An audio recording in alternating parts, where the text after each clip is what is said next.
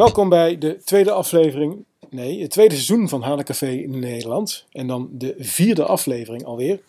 Vandaag was de CoJam, de SAP CoJam, bij The Nextview op bezoek. En daar hadden we het over het HANA Cloud Platform en Internet of Things. En dat willen we graag nog eventjes uh, uh, samenvatten, maar dat doen we weer in het Engels. Want we hebben toch een aantal gasten van SAP aan tafel die de CoJam uitermate goed begeleid hebben. Dus from SAP, we have Craig, we have Aaron, we have Vitaly en we have Ian. En het is nu, het, of, English, en het is uh, 7.30 in the evening and we also have some diehards, Ronald Klein en Robin van Toff, Jan Pennekoff en Twan van der Broek. Still surviving the CoJam. I think it was a great event. Again, every CoJam is a great event. Uh, playing around with latest stuff of, of SAP. But Internet of Things is quite a new topic. Um, I try to, uh, I think it's sort of new mobile. Eh? A few years ago, everyone wants to do mobile, and now it looks like everyone wants to do Internet of Things. So one, one maybe one first question for the podcast: What is SAP doing with Internet of Things? Who likes to answer that question? Well, um, for SAP, one of the things is obviously we're not going into hardware but we have we've actually been with Internet of Things for years. Uh, when you go into the manufacturing stuff with our MII uh, Pico products, so we've done that. What what's happened is is the sensor technology and the, the connectivity has gone so cheap that allows us to sensor everything else that's out in the world and not just some like million dollar um, machine that runs a factory floor. Now you can just expand this all the way out to everything.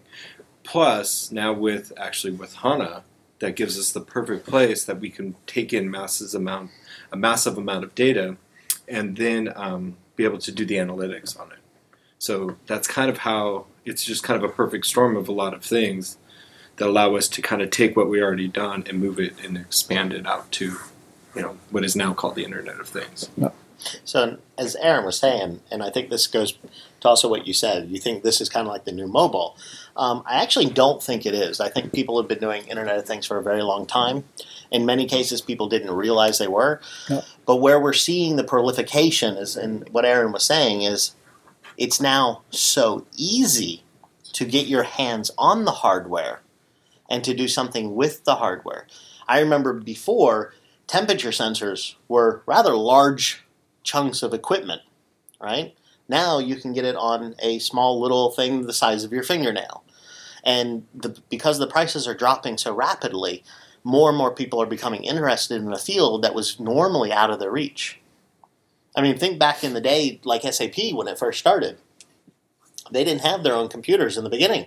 They actually had to work side by side with the customer, which is kind of where the idea of the code jams also came from, is getting back next to the customer, next to the partners to do it together. But again, I think what we're seeing, and I think we're going to see lots and lots of more of it, is the fact that because this stuff is so accessible now, then anybody can do it. It's now tar- they target children with Raspberry Pis. You know, and because of that, we're going to see a whole new generation growing up. Just like most of us probably grew up in a generation where most people didn't do something with a computer, but yet we were coding on Visual Basic or Basic or QBasic or something in our bedrooms late at night while we were out playing soccer out, outside with everybody, right? Now we're doing this. Well, now my children are playing with IoT equipment while their friends are out playing. So we're seeing a new generation around a new type of technology. So, um, you know, yeah, it's everywhere, and I think everybody does one. So yeah, it could be the new mobile, but I think it's going to be it's going to surpass that in all shapes and forms Yep. in a faster time period than it did when with the mobile revolution. The effect will be huge, much more. Um, uh, impacting the, the daily life that we have, well, our customers have. Yeah. Yep. I mean, if you think about it, um, how often did you look at your phone to see status updates on business five years ago? You didn't. But in five years, now we, we cringe when we have to go back to the computer to do an update. Why can't we do it on the phone? Well, now we're also going to see, you know, we're able to connect all of the devices in our homes to the internet. I have a feeling that 10 years from now, the kids are not going to understand why something's not connected. When they go on a vacation somewhere where, you know, going to a farm, because they're going to get to the farm and there's going to be a light switch that they have to flip on manually. Whereas in their current home, they walk into the room and the room is smart enough to know what lighting setting they need to set because of who's in the room. And that's where this world is just totally evolving in front of our eyes. You know, it's kind of fun that we feel like we're on the ground floor of it. And to a certain extent, we are.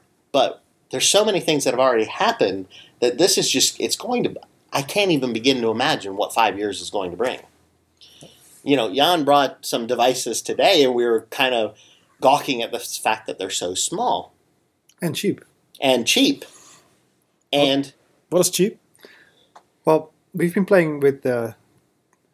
I was about to say Tesla, but that's that's another guilty pleasure, I suppose. First world problem. Tesla, right? First world problem. Yeah. So, what have what have been playing playing around with at home was a actually a three dollars uh, chip that has um, about as many features as the as the one that we've been playing with today. Um, if you talk about how invasive IoT can be, um, I mean it's it's becoming available, but it's becoming available for a very very low price. It wouldn't mm. surprise me if, I mean, if you look at the um, the era of computers. I think Bill Gates 20 years was dreaming about everyone having his own computer, and I think now not every household has a computer, but almost every room has a computer, and that's even excluding tablets and mobile mobile phones. Um, if you look at people, many people have one mobile phone, but if you look at people at how many IoT devices they eventually have, my quick estimation in maybe five years will be about 5 to 10 each. And if you look at well the business that actually generates for the semiconductor industry, but also for um, systems that have to cater to all the data that's coming out of these, these devices. And it's not like a computer, like you log into Facebook and just uh, leave a message there. It's like sensors continuously 24 by 7, maybe on a 5 seconds interval, generating data and sending it into mm. some cloud and a cloud needs to be capable of picking it all up and transforming it into something meaningful. So that's I think where where we're heading at the moment.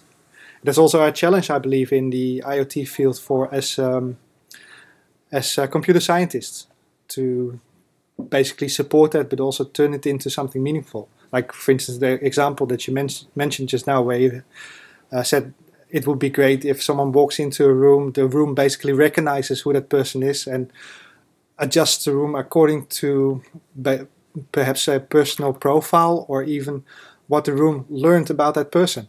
Hmm. You know, it's it's funny you should mention the number of devices. Um, I recently just had to upgrade my router at home for the simple reason that I had too many devices connected.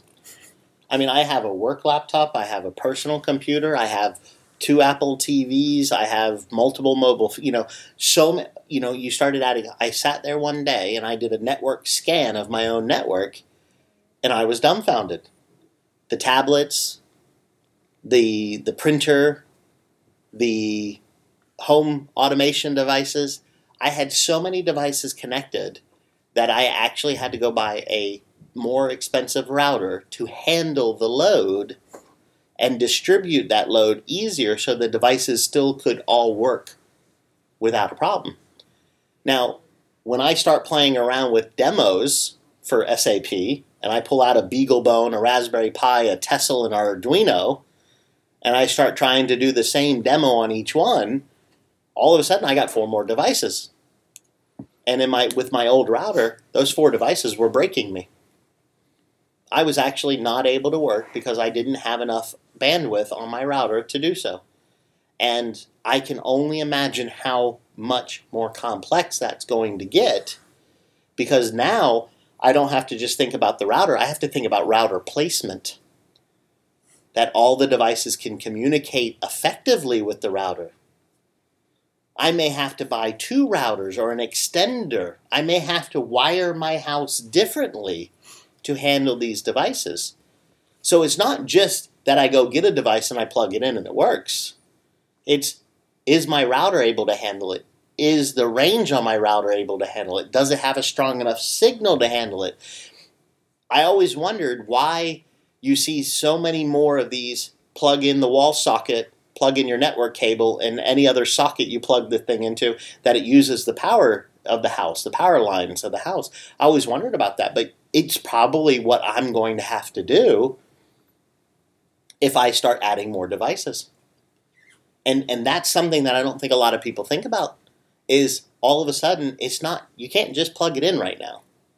And that's one of these these deadly aspects of it because as we all like to build and we're going to build these cool things and more people build cool things, once it goes into a, into the market though and somebody goes buys it and all of a sudden it doesn't work because all of a sudden their router's not strong enough because they have too many devices.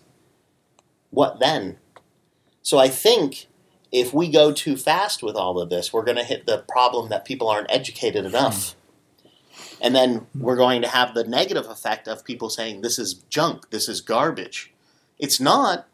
It's just we know the limitations. How, several people today had to unplug the device, plug it back in to reset the device to continue trying something because they were trying so many different things. How many average, everyday people are going to be comfortable unplugging and plugging in their IoT devices? Yeah, we've noticed it on several conferences and unconferences as well. That we always have issues with the Wi-Fi. As, as long as you log in with your all your laptops and all your mobile phones, and now all IoT devices as Yeah. well, it will definitely die. Yeah. But I wonder if this is happening in the public infrastructure space as well. I mean, if you look at the trend that's going on now with a lot of uh, companies building in basically smart services into things like um, microwaves, fridges, they're probably running inside a house. But how about things like uh, that are running in the public area as well? Like, for instance, the the, the Tesla car. We mentioned it just now, right? so let's have the Tesla car as an example. It's basically home connected, right? Yep. So it wants to have uh, it wants to see connection basically all the time. So what happens if you have many of those Tesla cars and all those IoT devices on the road, navigation, um, uh, GPS uh, computers, and that sorts of things as well, all connecting to one public infrastructure? Do you think the public infrastructure will keep up? Probably. Um, well, I mean, one of the things, no, it is that uh, in the U.S., GM, um, uh, for now about a year ago, has started all cars are 4G enabled. Not that you can add a SIM card; they have come with a SIM card in them, and they're ready to go. So they also have done stuff with OnStar for years, but the thing is, they've never quite known what to do with that data. Um, Ford has their OpenXC thing where you can actually write code to it and then that's kind of their staging point where you could actually get an app onto their their systems. Um, you know, we've worked, and then at SAP because of who we are, we've worked with. You know, you name the automotive uh, manufacturer, we've worked with them. But that's the thing. Now, what you can do is, how can you get those uh, all that data out of there?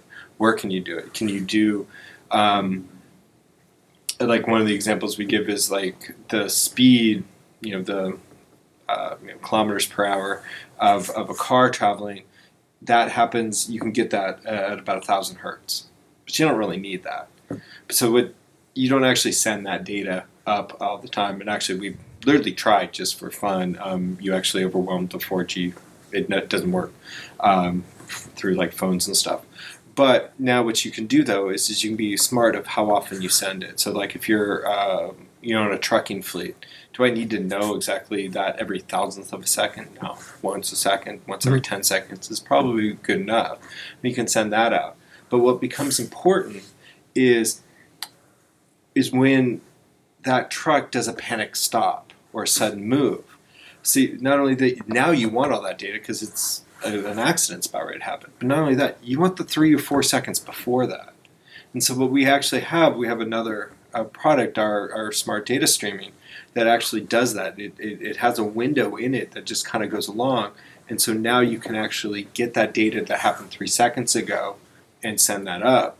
And the thing is, is then when you get if you know like a normal day happens, you go uh, the truck goes back to its its home, and now you upload everything up through the Wi-Fi, whatnot, as the truck's being uh, manufactured or manufactured, um, how it's having its maintenance, being reloaded, and all that stuff now goes into, um, you know, for us, it goes into you know the the HCP, the HANA Cloud Platform, where we can start doing the analytics on it, and and do predictive stuff. So what's going to happen is yes, right now, uh, as always, if you blindly run for it and you know we're engineers, give me all the data yeah, it will be that. What will happen is, is we're going to have to be smart of how yeah, we send, I, I just that wonder data. if you, at a certain point, the the, the ether doesn't Oh, get yeah. clogged with data, it does all and the time. because I can imagine that there will be there will be real time uh, business or use cases as well. If you Mhm. talk about, for instance, the self driving cars, where cars are communicating not only with the internet but also with the cars in front of them. Like what you mentioned, the the emergency stop. If it happens like five cars in front of you, basically the, your car needs to know now. The ether can't be Mhm. clogged. Well, that's the biggest challenge. I mean, and that's that's what I'm saying is is with all these devices and running out of bandwidth, it's it's becoming a fact that we as developers, we as the architects, we as the ones that are working on it right now, we really have to think ahead to, and it's almost that we have to go back to the day of the 1200 baud modem. I only have this much bandwidth. I only want to work with this much bandwidth. So, how can I transmit my data in a way that's meaningful, like our smart data streaming that has this window, right? Mhm. It's not sending every single thing, it's sending what we need at the moment. But how can I try and build my application to only collect data? So, when Ian and I were working on the little demo today, transferring it over to the Tessel from the Raspberry Pi, we actually had to refactor the coding to make sure that we weren't calling, you know, three HTTP posts every second. We didn't need to know the temperature every millisecond. We, you know, once a once every three seconds or so would have been perfectly fine.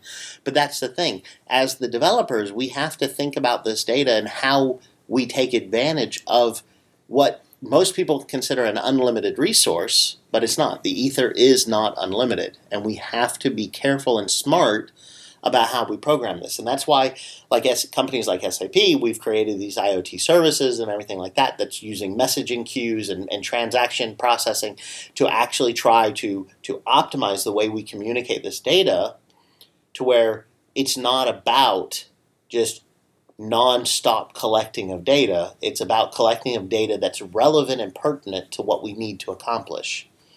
So in a laboratory, do they need to collect every nanosecond the temperature of their cooling unit where the vi- the, the deadly viruses are stored? Probably. Do they need to do it in the room? Mm, probably not.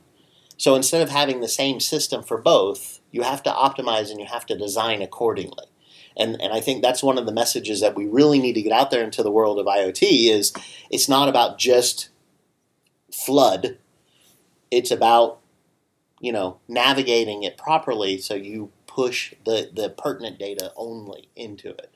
Can you do everything? Yeah. Will you have a problem eventually? Yeah. So it's about working around and working smarter. So real time when real time is necessary, and not Exactly. just because you can.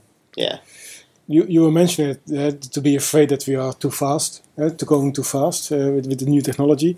Um, you are working at product management with uh, IoT for, from SAP. Are you doing that together with customers, or is it so some kind of laboratory that SAP is thinking of what Internet of uh, Things should be? Um, it's a lot of it's a lot of to yes to both. Um, what, what's happened, um, like I said, IoT is not terribly new to us. The name is. Um, I mean, I've been in this field of various things uh, for a little over three years, uh, four years. Came from connected car project, and then came back into the IoT stuff.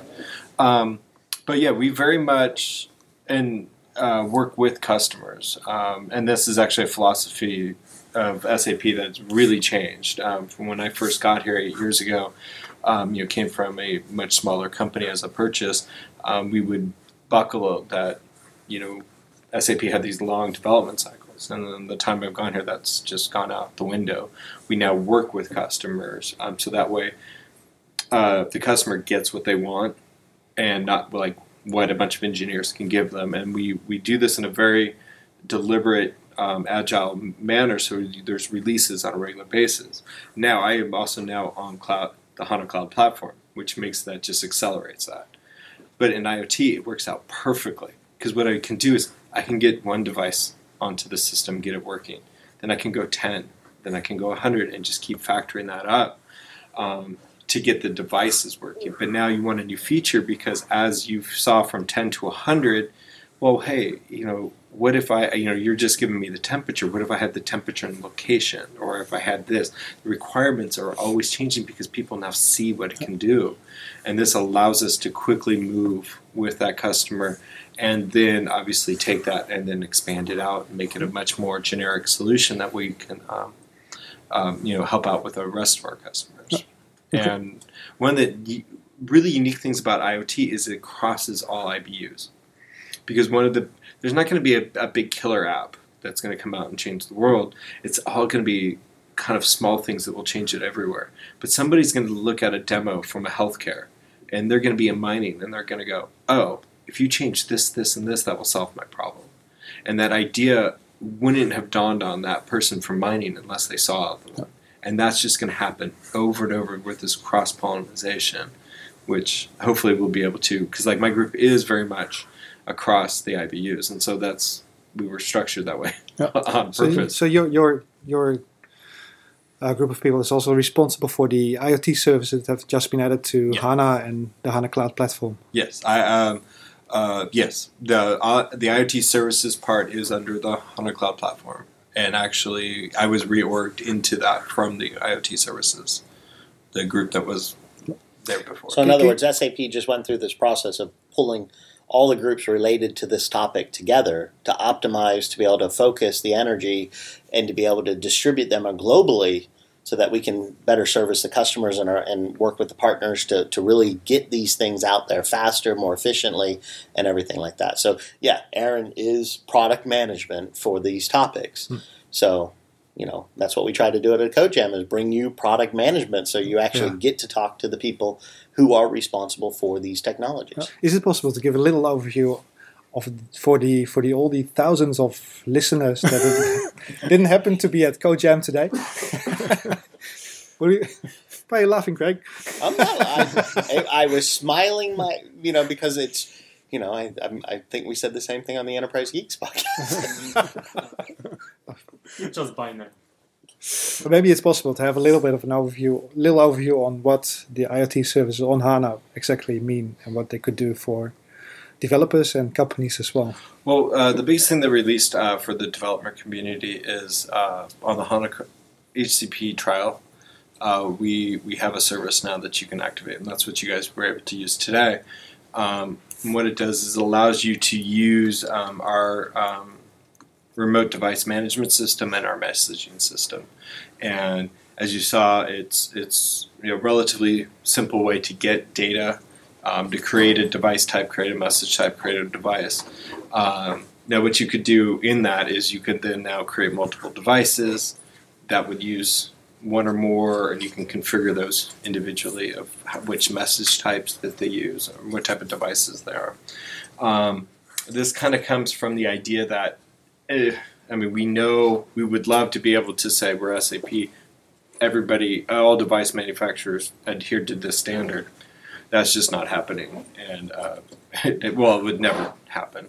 Uh, it's just there's too many devices out there. So even uh, the other players in this, who you know you think of as our normal competition, are doing the same thing. And what what we're doing is trying to come up with generic ways for people to to post in those that information.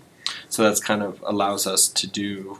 Um, now we showed the Raspberry Pis and um, uh, Tessels and things like that, but really in production, those are what we use as prototyping tools. And then when it's in production, then we work with the actual hardware and the standards and whatnot that they have. And so that handles kind of the remote uh, device management. And then, like I said, uh, also with the, the, the messaging systems. So that's kind of what we've uh, released uh, for right now. Uh, for that, and we're adding more and more features each time. Now that it, it's gone through a process, it's been released. now um, you'll get regular updates on that as we add in more pieces. Yeah, what I learned today was that basically all the messages that an IoT device is sending is by defining your device type and by defining your message type is automatically automatically a table is generated Mhm. and that all the messages and all the data that you send are stored in there which Yes. can be really useful if you want to talk about things like analytics predictive analysis uh, that sort of things to you know make that room really happen Hmm. so with predictive analysis, analysis the room would even probably know to switch on the light before you actually enter it well, if you think about it in that regard, yeah, uh, and that's the really cool part about all of this is is if I walk into the front door of a house and I typically go to the kitchen first, and the house learns that, it's going to light my way to that kitchen. Now, I don't know. I mean, I could just be the crazy person here, but I've actually monitored in my apartment. You know, when I work from home, where do I move? And I've looked at it when where do the kids move? And there's very clear defined paths. And you know if i was able to optimize the the energy usage in my apartment to fit just that path that i use as i use it i'd probably save a fortune. And, and that's some of the cool things that are coming with iot and the predictive capabilities of, of knowing okay craig's in the house he's going straight to the kitchen after the kitchen he's going to go turn on the tv then he's going to go back to the kitchen to finish making his coffee then he's going to go sit down pull out his laptop, start working, and never pay attention to the TV that he just turned on. So let's not let him turn on the TV to begin. with. you know, that's the types of things that could really start to happen here. computer where- says no where where we start to really get you know that thing. But you know, think about the person who comes home and they automatically make a coffee, and then they make another coffee, and then they make another go. You know, you have the coffee pots that you can set on a timer that they start cooking the coffee first thing in the morning, right? And of course, I know people who have forgotten to put the, the thing underneath, and the coffee fills out all over the floor. There's sensor technology that could stop that. But what about the coffee machine that knows to make the coffee because I'm walking in the door? Or that I'm, because of the location of my mobile device and the fact that I'm 100 meters from home, knows to turn on the lights, heat up the, the, the room, start the coffee. You have the same thing with automobiles. You can click the button inside the house, the car warms up, defrosts, and gets ready to go before you get to the car. You sit in the car, and the car adjusts to your settings because you're the driver, right? Why can't a house do the same thing? And there absolutely is no reason it can't. But it is a matter of dealing with how do you manage that much data? And, and if you were to try to do this all manually, it gets really, really scary. Mm-hmm. But when you look at things like our IoT services that help you manage to manage the message types, to manage that type of thing, and use the APIs to actually work with the data, it's not so bad. And it's also, and the reason is you can just keep adding one rule after the other. You don't have to do like Craig's entire day and how he does it. You go, okay, here's what he first does. He goes to the refrigerator, we light that. Oh, well then this, and then this, and you can do it just one step at a time. And IoT um, is one of the first technologies that, you know, we, we've all taught, you know, be good object-oriented programming and do this. IoT is really the first thing I've ever really dealt with where it really scales in that way. You know, you can do one, get it to work, do ten. You know, and same thing with the business rules. Same thing. One, get that one rule to work, makes sense, and then you just keep adding the rules on uh, as the thing, and then you know, So you just fix sure wherever the conflicts. are. especially those rules and if this then that is that something that we can expect in the iot space from sap as well Do you mean literally i mean the, the the earlier you mentioned that uh, what is delivered on the cloud platform in the I- in the iot services might just be the beginning Oh, Oh, oh, yeah, I'm oh, fishing- yes. I'm sorry, fishing I thought for a roadmap, the really. actual uh, the, the the kind of language of if this then that the IFF. IFTT. IFTT. Actually, So- he does. Okay, We, we did talk about it earlier. Um, I'm not because sure we can because that at the moment we, we, Yeah. we keep referring to predictive and maintenance, you know, and looking at the, the past data and looking at those things as well. We've also talked about the real time where we want to see right then and there what's going on with the temperature of a freezer unit or, or something like this, or I'm shipping medical supplies and I need to maintain the integrity of, of the containment unit, da da da da da. But then the other thing is is like the proximity Yeah, it's the sensors is one part of the IoT space, Mhm. but the other part is the actuators. Yeah. So Yeah. once you've received the data, and you Oh, have yeah. done your predictive analysis. How do you feed it back and Oh yeah, those do are something with it? And those are things that we're building in. We're building in more and more capabilities, and those capabilities will be based off of feedback. So one thing we're definitely taking your feedback back to the development team and say, this is some of the feedback. Yeah, and, and one of the biggest things that uh, we've had from customers is that simply they want to create, they want a work order created automatically. They're like, "Can you do that?" Like, I mean, we, we come in with like great demos and whatnot, and we're like, "Yeah, of course we can do that." You know, as engineers, we're, you know, it's like not the most fun, uh, but it's what our customer wants, and it, it actually more correctly, it reminds us that oh yeah, not to build the you know take this one step at a time.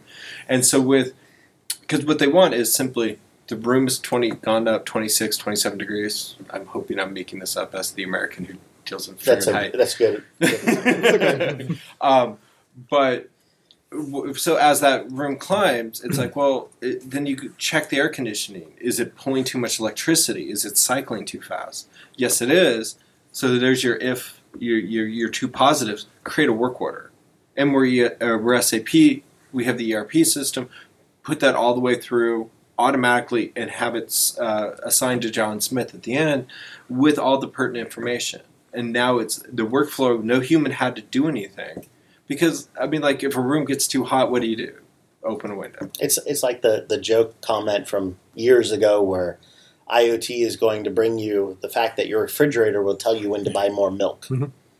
Well, actually, it will, but we're going to adjust that to a factory setting where the system is automatically going to put in a new supply order because we've ran these part lines and we're out of part, you know, item number B for part A on line 12 and we're automatically going to notify the supplier that we need a new new shipment, and and we're going to automate that. So it's just like the refrigerator ran out of milk, go buy more milk. But you know, instead of looking at it from the perspective of putting a notification on your phone when you're at the office saying buy milk, you know, we're actually going to to address it into the business world mm-hmm. where we're going to make our customers' lives a lot easier, and that's going to make their businesses more efficient. Well, that's that's a nice statement because we're almost out at our time also to to finalize. let's the make this a little bit episode. longer. A little bit longer. I guess you can talk about it for days. I guess because you do already doing Internet of Things before we even knew it was called Internet of Things. You're soldering stuff in at your home and putting devices out of each and putting it back together and with some different uh, uh, purpose. Yeah, but that's fun. Yeah, sure, Of it course is fun. it is. So, so- but let's Until get you hit router issues where not all the devices can Yeah, or you get But- but- electrocuted. That's another. let's well, let's go another to showstopper. to today. Let's go to the CodeJam Internet of Things on the cloud platform today. Ask somebody else in the, in the room, Ronald, but maybe you can come a little bit closer because you're all the way far away. How did you experience?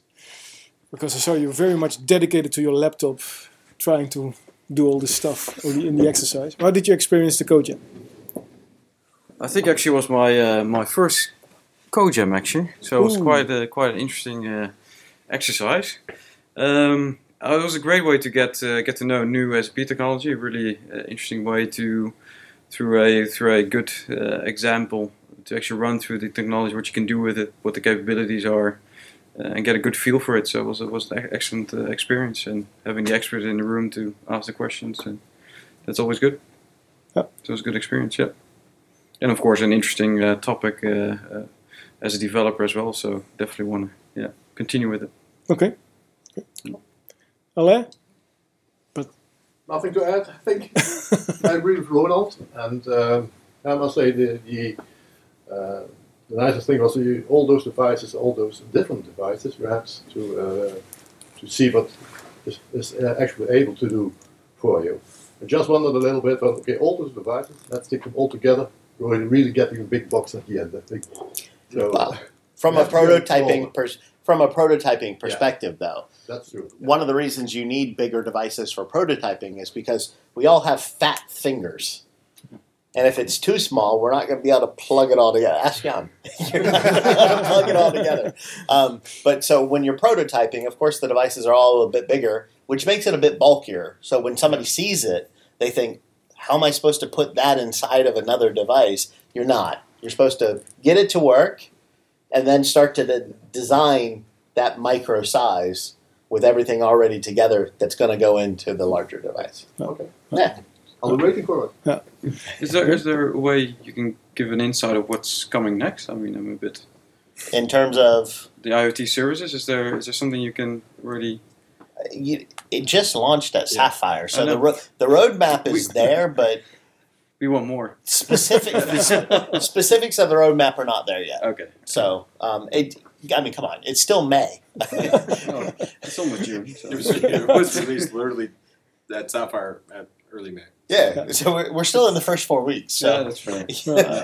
give us another four weeks, okay? So then I'll go demand back the- to you in another four weeks. in, in another four weeks, call Aaron, ask for the roadmap, Yeah. and then you know, but you know, yeah, no, it literally this was actually this first beta release was polished up and finished up to make sure we had something available to the developers just because of Sapphire. So literally, you guys are the first. Uh, well, the Netherlands is the first location that has used the IoT services in an event format. Tilburg earlier this week was the first location. You guys are the second. The other two hmm. locations that we've done IoT CodeJams was actually using just straight up SAP HANA where you had to do everything manually. So in the document that we gave you, take a look at the beginning of it when we talk about the SAP HANA without the services and the manual work that you actually have to do. So we've tried to make life a lot easier for connecting these devices. So Yeah. so give us time, we'll definitely pull out some more great stuff. It'll be very interesting to hear and hear about that. Robin, some experience to add? Yeah, well, I uh, arrived a bit late to the party uh, because of other obligations, but uh, what struck me as a developer is uh, because I arrived late but was able to run uh, two examples is uh, the ease of uh, setting it up and the ease of coding, ease of deployment, and it's yeah from a developer's perspective, it's uh, was, was pretty straightforward and, and easy to run. It's yeah, Yeah. pretty eye opening. I think the yeah, like with the CodeJam concept, I think you were well prepared. You brought all the devices and just connect them, and they were working. So that was very good. Not trying to get things to work. so that was Yeah, good. run simple. Yes, and uh, of course, uh, uh, uh, yeah, with the experts on the table, we can have difficult questions. At least they, for me, they were difficult. But then, no, no, I already know what you have done. But you have not seen my screen. But I know what you already have done. well, you know why? Because I made that mistake last week. Uh, so that, that was that was that Yeah. was great. And but also like what you're saying, Robin, um, if you look at the Internet of Things, give the the IT services, that's also developer friendly and saving a lot of bomber stuff and just focus on what you want to achieve, and that's that's that's really cool. Yeah, and this is like I said, it's both old and new at the same time because it's it, the technology is there, but it has been there, but now it's oh, can I? Like you know these home automation scenarios, car scenarios. I mean, this is stuff we never thought of 15 years ago. You came well prepared as well, by the way. What did you think of the food? Food was fantastic. Complete with candles, you'll have to go out to I the mean- CodeJam Facebook I mean, page I- and see the In, in, all, in all honesty, I mean, this might have been the most sophisticated code jam we've ever had in terms of the food spread with candlelight, um, the video, video camera roaming around, live interviews and, and publishing while the event was happening, and the pho- photography. I mean, I, I probably have to say you guys have once again surpassed expectations in terms of the effort that you put in to do a code jam, um, and then but when you invite us over to come and do these, so it's it, for me it's fantastic. I, I very much appreciate you guys always putting the requests in and inviting us to come to do these code jams with you. Now you know why one is uh, mentor number one in the Netherlands.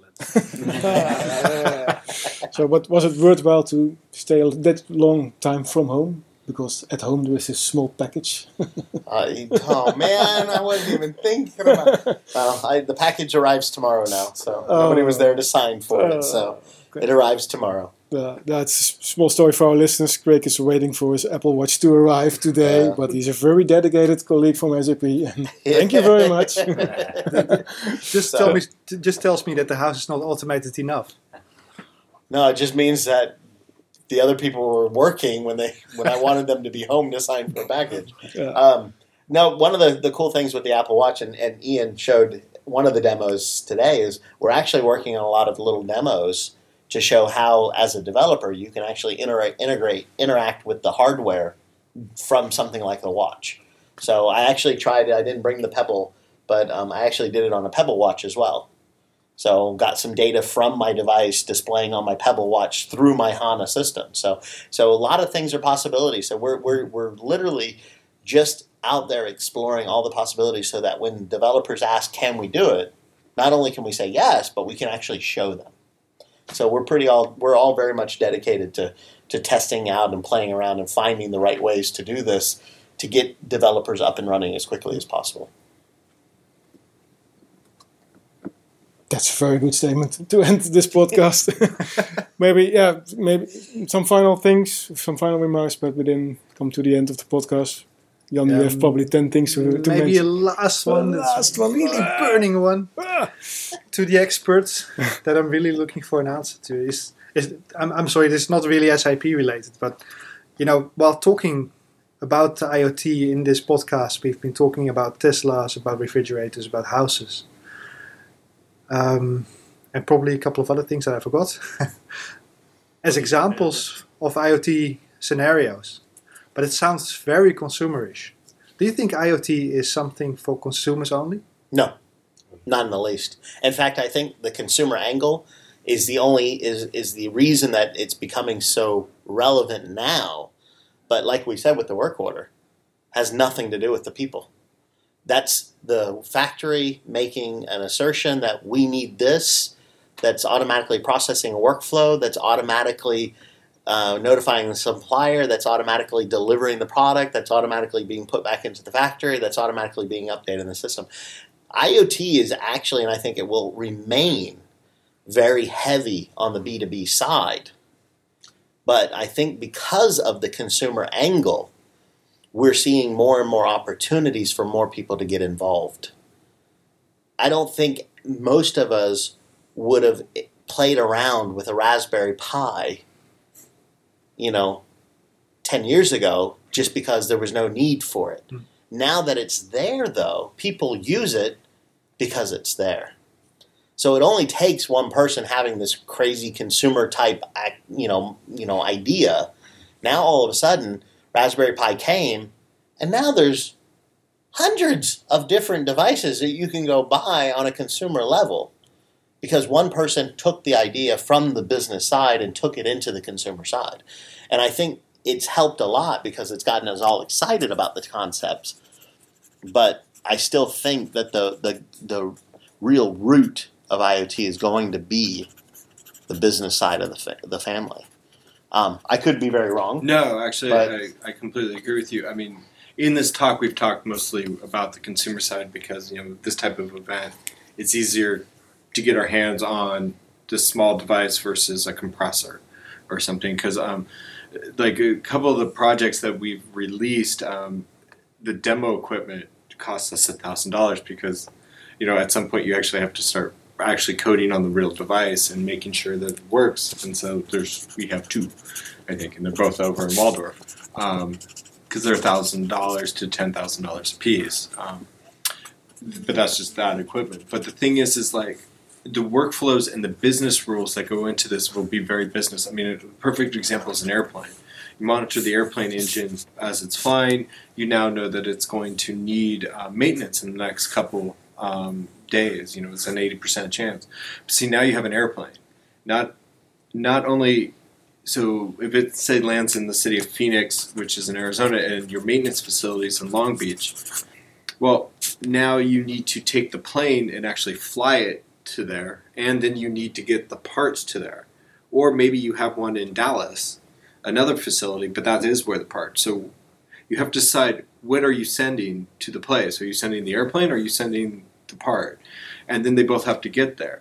Then now that plane needs to jump the queue of all the scheduled maintenance that happens. So now you have to reorganize everything. Now, if that plane also comes out of order right now, is the crew that's going to fly it next? Are they certified to fly that plane? Do you have to get a new crew? And this is all the stuff that once you start looking at it, you're like, oh my god, you know, how, how would I do this? Well, that's what a workflow is for. Is that okay? Now, plane A is um, is this, and it requires this type of crew. Crew, this um, you're replacing with plane B. Okay, now now here's the people. Where do they need to be? Now you can start reorganizing your schedules, your timelines, reorganizing the maintenance schedules. Are the people who are going to work in the plane who are the right certification? Are they in the right place? So now, you know, et cetera, et cetera. Now, this is actually kind of, this is just one example, and this is where the business, it is very much a business one. It's Now, also just more fun to play. What are we going to hear about more? The consumer side. Yeah. Because the everyday person is going to hear about the consumer side.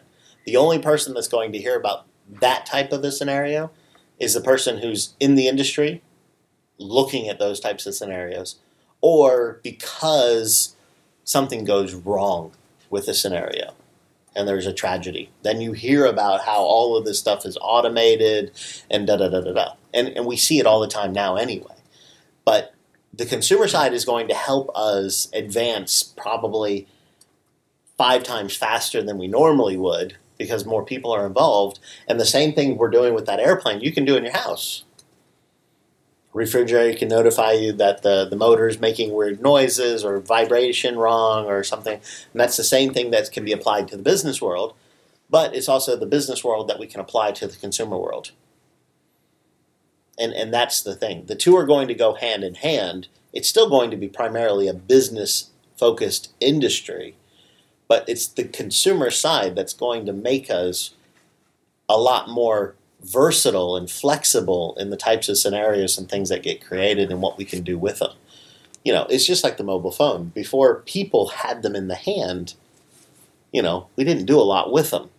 You know, I still have an old Nokia phone that just has that little tiny display, and I can text by hitting that button three times, and that one two times, and that one three times, and that one one time, and you know, so on and so forth. Now, I couldn't even imagine picking up that phone again and trying to push those buttons on that really tiny little keypad that I used to be really fast on.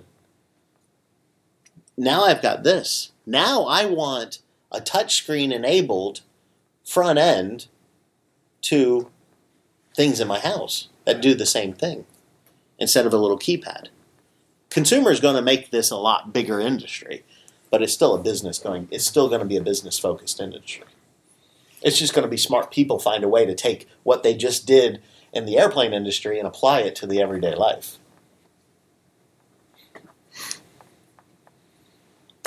Yes? Yeah. That's your last burning question? Yeah, I'm sorry. I've got, I've got a couple more, but Yeah, I, know. I, I can imagine. Maybe we can record three episodes then for this. Uh, no, I think I th- I think we have recorded our longest episode since last year's UI5 one, which was also, I think, almost an hour.